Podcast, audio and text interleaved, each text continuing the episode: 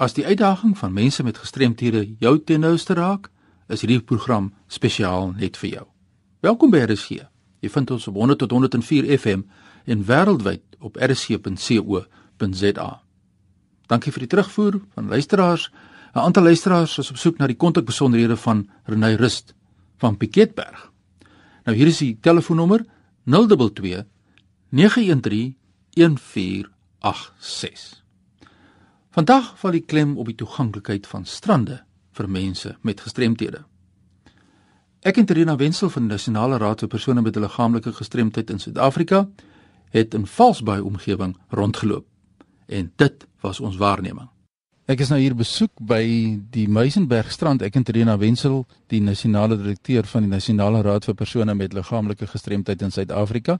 Soos ek kan hoor in die agtergrond die uh geruis van die branders is lekker by die see en ons kyk na toeganklikheid. Terina, eh, welkom hier by ons by RSG. Dankie van, baie lekker om by julle te wees. Terina, as jy mens nou kyk na strand toeganklikheid, ons stap nou. Kom ons kyk net, kom ons stap net hierdie deur. Ons is nou hier by die parkeerarea. Kom ons stap net so oor hier na die fasiliteite wat hulle hier het. Wat is jou mening oor die toeganklikheid uh, van strande vir mense met gestremthede in die algemeen? Fanny, weet jy daar's natuurlik ongelooflike uitdagings, maar daar's ook gelukkig 'n paar positiewe goed. Ek dink wat nogal lekker is van Meisenberg is die feit dat dit is relatief plat, as ek dit so kan stel. So dis 'n plek wat om daar te leen om uit 'n rolstoel en 'n mobiliteitsgestremdheidsoogpunt baie toeganklik te wees. En 'n mens moet darm krediet gee, daar was baie goeie pogings aangewend, dis oulike um walkways, looppaadjies um al langs die see af wat dit regtig baie lekker maak want dit is 'n groot area, baie lang afstand, so dis baie baie lekker. En vir mense wat wil wil oefen met 'n reistool of som, sommer net iemand wat wat wil lekker rustig rustig stap met 'n paar krikke of iemand wat hulle eie reistool stoot en en sommer net die omgewing wil geniet. So ek dink um uit daai oogpunt regtig baie oulik. Ja, ons stap nou hier, kom ons stap net die deur. Wag, ek het hier oor klim. Ons sien hier's bankies hier langs die see en mense die rolstoel kan relatief naby genoeg aan die strand kom met die rolstoele, nê? Ja, Fanny en dan staan ook sulke, ek wil dit maar noem inhametjies waar 'n mens jou piknikmandjie kan sit en lekker sit en kuier en waar iemand op 'n bankie kan sit en ons genoeg plek waar 'n reistool ook kan staan so dit dit kan op 'n lekker geïntegreerde manier piknik gehou word baie lekker naby die strand. Dis dis regtig baie oulik.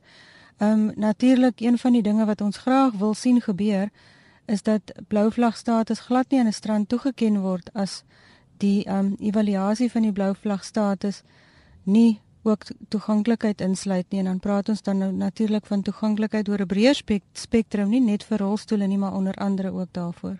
Ja, as mens nou kyk nou, kom ons stap hier om, ons gebou om die gebouetjie en ons sien hier is die fasiliteite, die toiletgeriewe en ons kyk nou wag het ons hier ingaan. Ja, wat sien jy nou hier? Ons sien hier is die uh, badkamers. Uh, hier is 'n toilet. Kom ons maak dit hier oop. En uh, wat sien jy hierso Terina? Funny, interessant dat ehm um, die die signage um, is regtig oulik. Ek moet sê jy kan van 'n afstand af sien hier is nou die plekke vir vir rolstoelgebruikers. Ehm um, en wat spasie aanbetref nie te sleg nie, maar wat nogal sleg is is dat daar's nou moeite gedoen om 'n rolling shower te bou sodat iemand nou kan kom afspoel en so aan, maar wat in, interessant is is dat basiese goed soos byvoorbeeld die grabbars by toilette is totaal afwesig. Dit bestaan nie. Die layout van die omgewing is ook nie lekker reg sodat iemand maklik alles sal kan gebruik. Ek praat nou van van die wasbak en die draaisirkel en al die goed. Dis nie lekker geposisioneer nie. En dan natuurlik ook kan 'n mens nou vir jouself dink as jy nou in 'n reistool sit en jy kom nou van die, uit die see uit of van die strand af en jy wil jouself nou 'n bietjie afspoel en so aan onder 'n stort, dan ehm um, wil jy mos nou nie graag jou reistool heeltemal pap nat verder maak met jou kussing en al so aan nie. En dan jy nodig om te transfer op 'n ander device, het sy of dit 'n tipe van 'n stortstoel of 'n ander tipe reistool of 'n stortbankie is. Maar daar's nie sulke fasiliteite nie en ook as jy nou jou jou swemklere wil uittrek en jou ander klere aantrek of vice versa, dan moet jy normaalweg op 'n bed, ge gewoonlik 'n 3 kwart bed ten minste, moet jy oorskuif sodat jy dan nou weer kan verplaas om um spesifiek te kan omrol om die dit's fancy te wees nie. Maar dit sou 'n reuse verskil gemaak het want ek dink wat nou die die dilemma altyd is nou sê mense ja ons het voorsiening gemaak maar die ouens gebruik dit nie. Maar deur die regte tipe raad en advies was nie gevra nie. En dan natuurlik as 'n mens kyk na die na die spasie spasie nie te sleg nie, maar die layout van die verskillende komponente binne in die badkamer is nie baie goed nie. Plasing van waar die wasbak is en so aan en dan ook natuurlik ehm um, daar's geen grabbars en so nie. So ek dink prysenswaardig dat die poging aangewend is, maar nou is dit baie funksioneel nie. Ja, dit is natuurlik nou die mobiliteit. Kom ons stap hier uit Rina en ons kyk net gou 'n bietjie na die uh, plek waar mense kan uitkom en sien hier is die uh, lewensredders uh, baie mooi aangedui hier. Uh dis inligting is ook beskikbaar ook vir mense met gehoorverlies. Uh, wat is jou mening oor die hele proses as 'n mens kyk na die veiligheidsaspekte?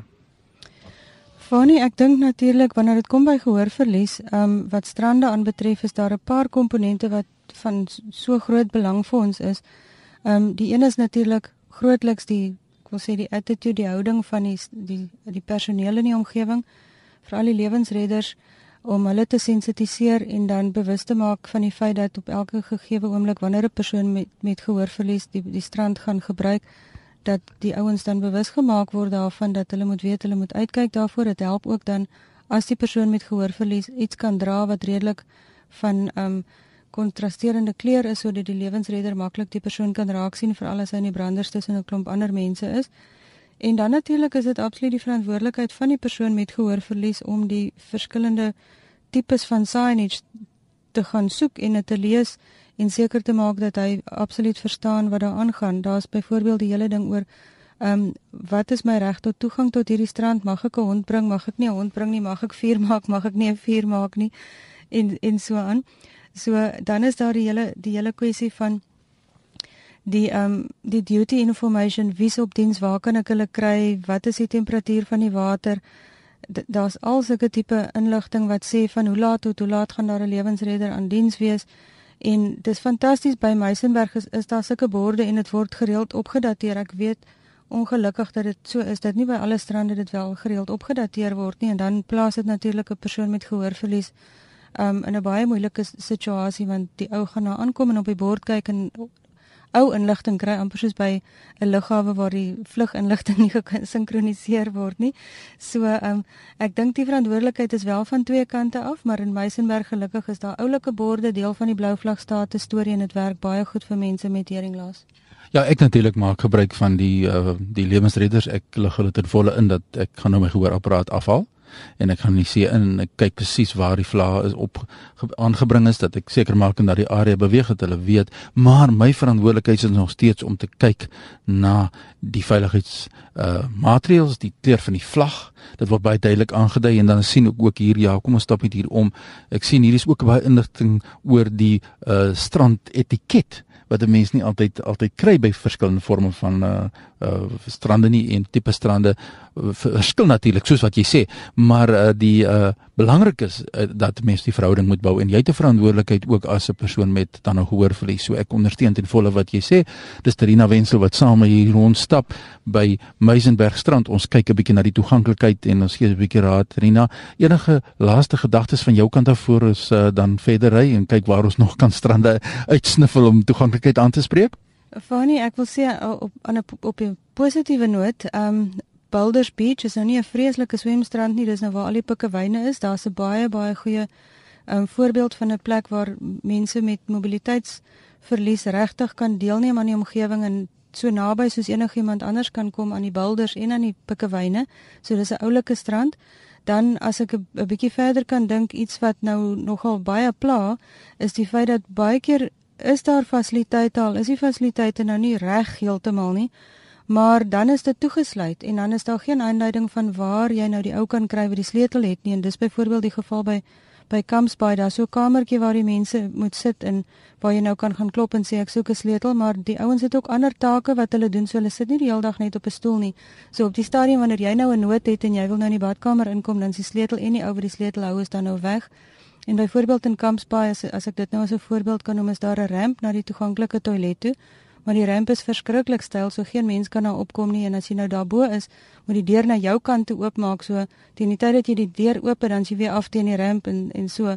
So ek dink dis fantastiese wonderlike strande en daar's geld gespandeer, maar die regte ouens is nie gevra om raad te gee nie, soos ek enigsins kan sê vir mense met gestremdheid en mense wat strande beplan of wie ook al sê het eers in die media asseblief praat net met die regte mense en moenie net aanneem dat omdat jy 'n vriend het wat dalk gehoorverlies het of in 'n rolstoel is dat jy weet hoe om dit te doen nie. Ja, dit is die mening van Trina Wenzel. Ons het 'n besoek gebring hier aan Meisenbergstrand en natuurlik Trina, julle was ook betrokke by 'n uh, besoek saam met my kollega by RSG Martelies Brink by uh, die gister in verskillende strande besoek afgelê om te kyk wat kan ons raad gee, positiewe insette maak in die leefwêreld van mense met gestremthede wat ook hierdie wonderlike fasiliteite hier by die see wil besoek. Trina, baie dankie.